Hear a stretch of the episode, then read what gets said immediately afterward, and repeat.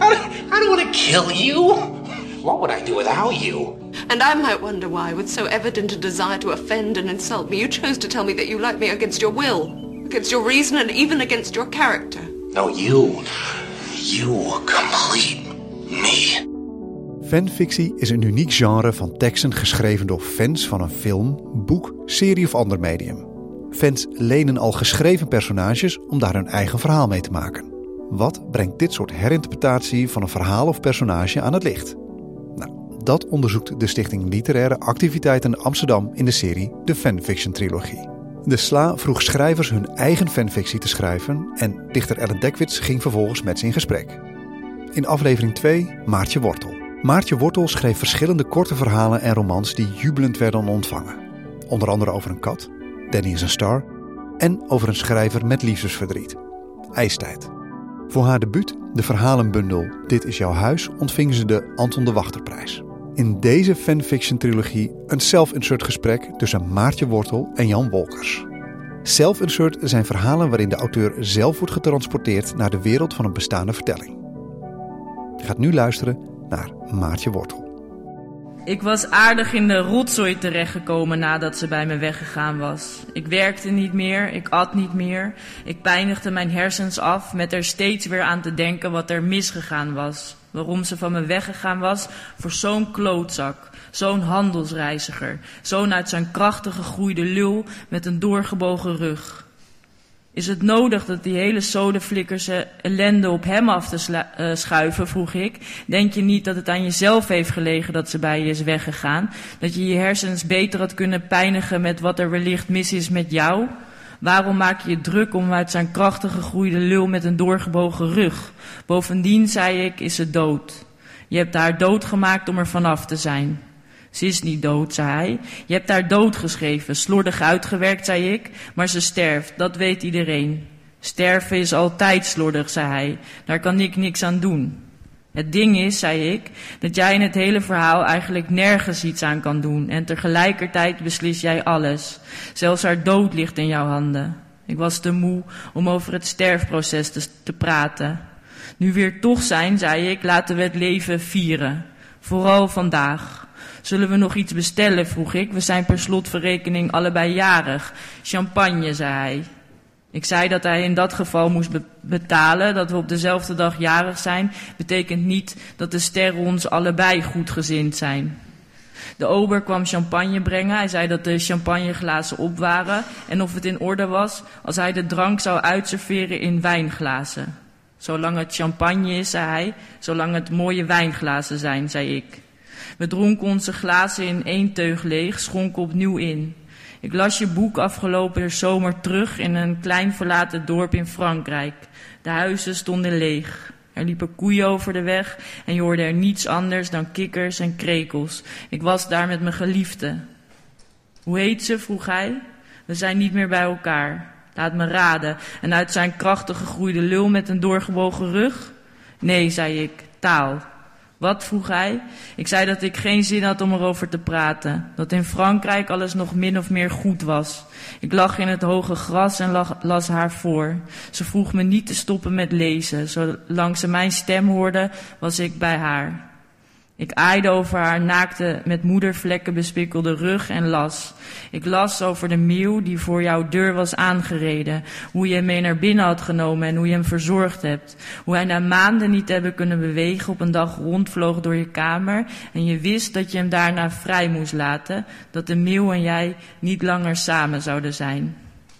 En met mijn smoel strak van het huilen heb ik hem in een doos naar de dijk aan de Amstel gereden, sprak hij.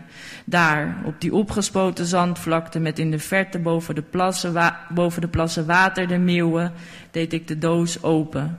Hij vloog meteen omhoog de ruimte in. En zoals het hoort bij het afscheid van een vogel, cirkelde hij een paar keer boven mijn hoofd toen was hij ineens opgenomen in een hele vlucht schreeuwende en krijzende soortgenoten. Ik had willen roepen, schreeuwen, maar kon geen geluid uitbrengen. Het was of iemand van achteren zijn handen om mijn nek had gedaan en met zijn vingers uit alle kracht mijn strot dichtkneep.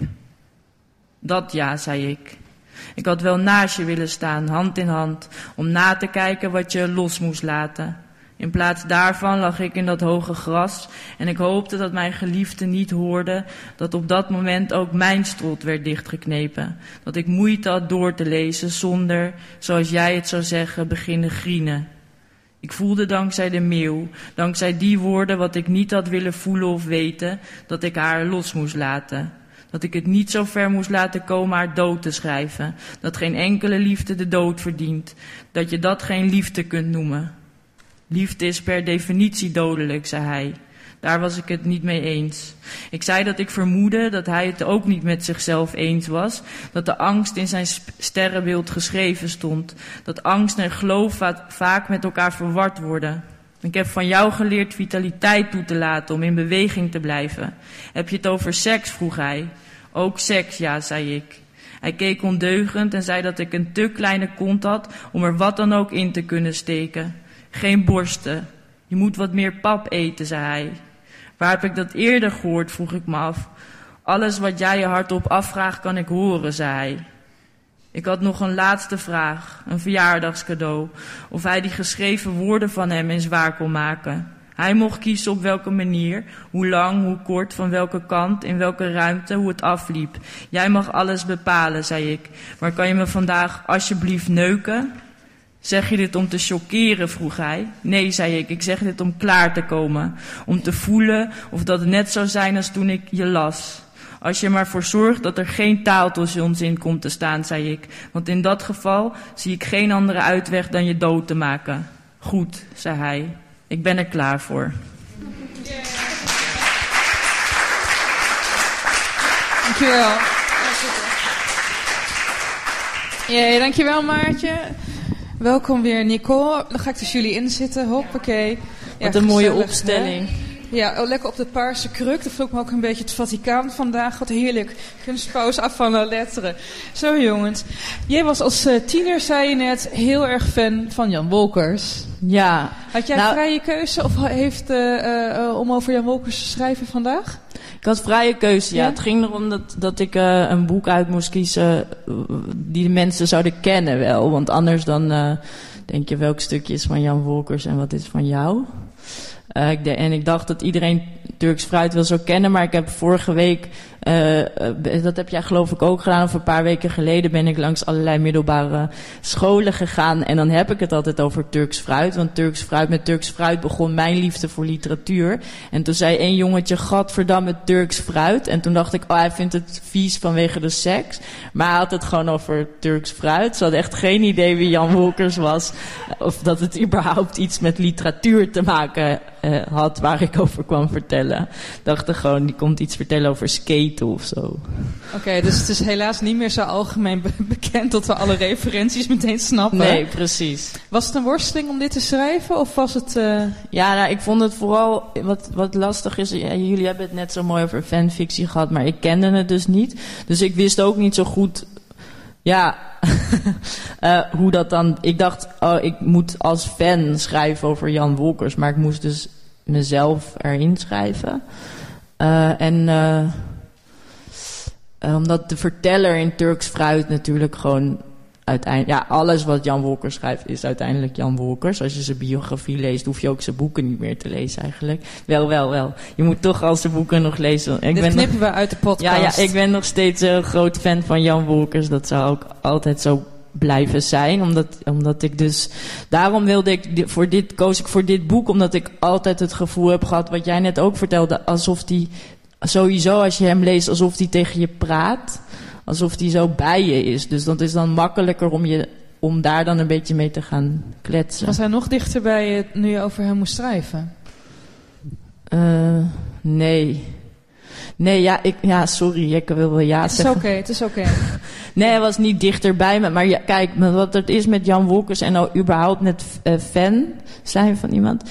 Ik vind uh, het woord fan moeilijk. En ik ben ook nooit echt fan van iemand geweest. Want fan is zo'n obsessie met wat iemand uh, maakt of wie iemand is. Of dus met, ja, jij hebt dan altijd net over de Power Rangers of zo. En ik heb veel meer dat ik dat dan, dat ik iets heel erg bewonder. Dat ik, ik bewonder Jan Wolkers wel, maar ik laat hem ook wel weer los. En ik durf ook wel tegen hem te zeggen slordig uitgewerkt. Dat snap je, ik bedoel, die, laatste paar pagina's van Turks fruit, ja, dat heeft hij echt slordig gedaan. Sorry Jan. Ja, ja, ja, ja, ja. Du- du- du- dus bewonderend, maar niet naïef, moeten we het zeggen.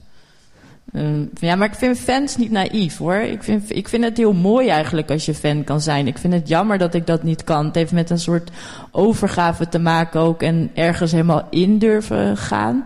En dat vind ik gewoon überhaupt heel moeilijk. Dus het, het is meer, ligt aan mijn karakter, denk ik, dat ik dat niet kan. Ik las in een artikel over fanfictie dat het eigenlijk ook voor schrijvers een manier is om gewoon te beginnen met de eerste oefening in, eh, met karakters omgaan en dergelijke. Heb jij, heb jij dat met de personages van Jan Wolkers of hoe is het bij jou gekomen? Of is het helemaal niet gebeurd aan de hand van een schrijver die je inspireerde? Nee, nou, ja, jawel. Het is wel sowieso. Ik geef zelf ook les op de Rietveld Academie. En dan vraag ik altijd in een van de eerste lessen ook: neem een boek mee. Eh, gewoon neem je lievelingsboek mee. En schrijf verder. Weet je, na één bladzijde schrijf verder in diezelfde stijl. Omdat ik wel, wat ik net al zei, wel erg geloof in iets wat je mooi vindt van jou maken of zo. En ook dat je dan achterkomt, bijvoorbeeld, ik ben groot fan van Tsjechov. Maar ik kan zeg maar, dat slaat nergens op als ik Tsjech- Tsjechov na ga doen. Want dat kan ik niet. Natuurlijk niet, want Tsjechov is de Bach van de literatuur. Maar ik bedoel... Maar toch geef je die opdracht wel aan je studenten. Ja, nee, maar omdat het wel belangrijk is om dus te zien hoe, iets werkt of niet. En wat kan of niet. En wat, is, wat stijl is ook. En, wat je, en juist door, um, door anderen na te doen leer je ook je eigen stem kennen. En bijvoorbeeld, ik heb Wolkers nooit nagedaan. Maar als ik kijk nu naar de eerste pagina van IJstijd. En ik las dan weer de eerste pagina van Turks Fruit. Er zit wel eenzelfde soort van... Die man ligt dan op een hotelkamer en die is verlaten. Ik denk, oh ja, zonder dat je het... Zeg maar, dat is heel onbewust. Maar dat gebeurt wel. Dat, dat ik zijn stem zo... Ik merk het ook met lezen. Ik was wat meer in zijn stem dan in mijn stem. Zeg maar, het komt ook gewoon door stijl natuurlijk. En hij, maar het, dat ik dan helemaal... Ik voel helemaal... Ik voel me helemaal opgetild door Wolkers als ik hem lees. Omdat ik zijn stem ook in mijn hoofd hoor. En over die porno gesproken. Ik heb Wolkers, die heeft bij heel veel boeken staat hij ook achter op de, op de achterflap staat hij dan naakt. En ik heb een keer Carina op Instagram gezet. Gewoon de haar, vrouw van Jan Wolkers? De vrouw van Jan Wolkers. Uh, met blote borst. Omdat ik gewoon het heel fijn vind dat op de achterflap geen, uh, dat er niet staat dit boek gaat over dit of dit of dat, maar gewoon zijn vriendin in de blote tieten. Uh, en, en dat had ik erop gezet en toen kreeg ik een, uh, werd ik van Instagram afgegooid en toen kreeg ik een mailtje van Instagram met moest ik een heel formulier invullen dat ik begreep dat wat ik gedaan had uh, moreel onverantwoord was. Maar het erg is, ik heb dat formulier ook nog ingevuld. Zeg maar, ik was dat aan het doen, dacht ik, nee, heb ik omdat ik de titel, dat is ook wel weer de ironie natuurlijk. De titel van uh, de vrouw van Jan Wolkers zorgen ervoor dat ik moet zeggen dat dat moreel onverantwoord is om borsten te laten zien. Uh, uh, terwijl Jan Wolkers natuurlijk juist zijn boek heeft geschreven om een keer een beetje normaal te praten over seks. Omdat we dat allemaal hopelijk voor jullie hebben. Jeetje, wat, wat heftig zeg. Kut Ja. Instagram, we gaan er met z'n allen nu Ja, af. maar dat wist je wel, toch? Daar moet je Ja. ook allemaal zwarte... En dat vind ik helemaal lullig. Want laatst uh, zet ik een vriendin of zo erop, zag je ook een tepel. En dan moet je dus met een... Dan kan je zoiets aanklikken en dan moet je die tepel gaan uitgummen. Dat vond ik wel... e- Dat is toch veel erger? Kan je niet gewoon, want dat is de kracht van literatuur, je herbenoemt de werkelijkheid. Je zegt, dit is gewoon een heel erg groot aangelopen champignon.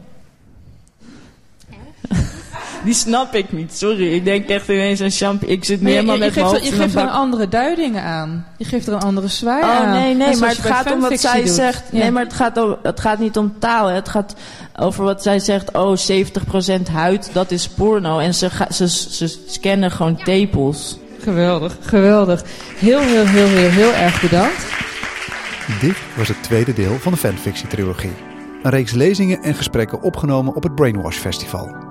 Met hartelijke dank aan Maartje Wortel en Ellen Dekwits. Je luisterde naar een podcastaflevering van Slaakast.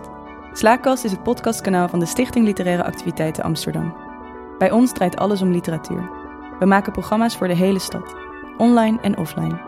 Al onze podcasts zijn ook te beluisteren via onze website www.sla.nl/slaakast.